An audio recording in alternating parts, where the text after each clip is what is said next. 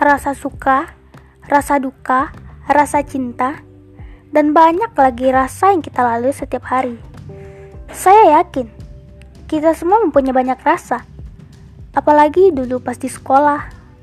Sekarang, di setiap minggunya, dengan tentang rasa, saya akan ngobrol pada kalian semua tentang seorang soal pengalaman yang menyenangkan, yang menyedihkan, atau rasa yang paling tidak terlupakan.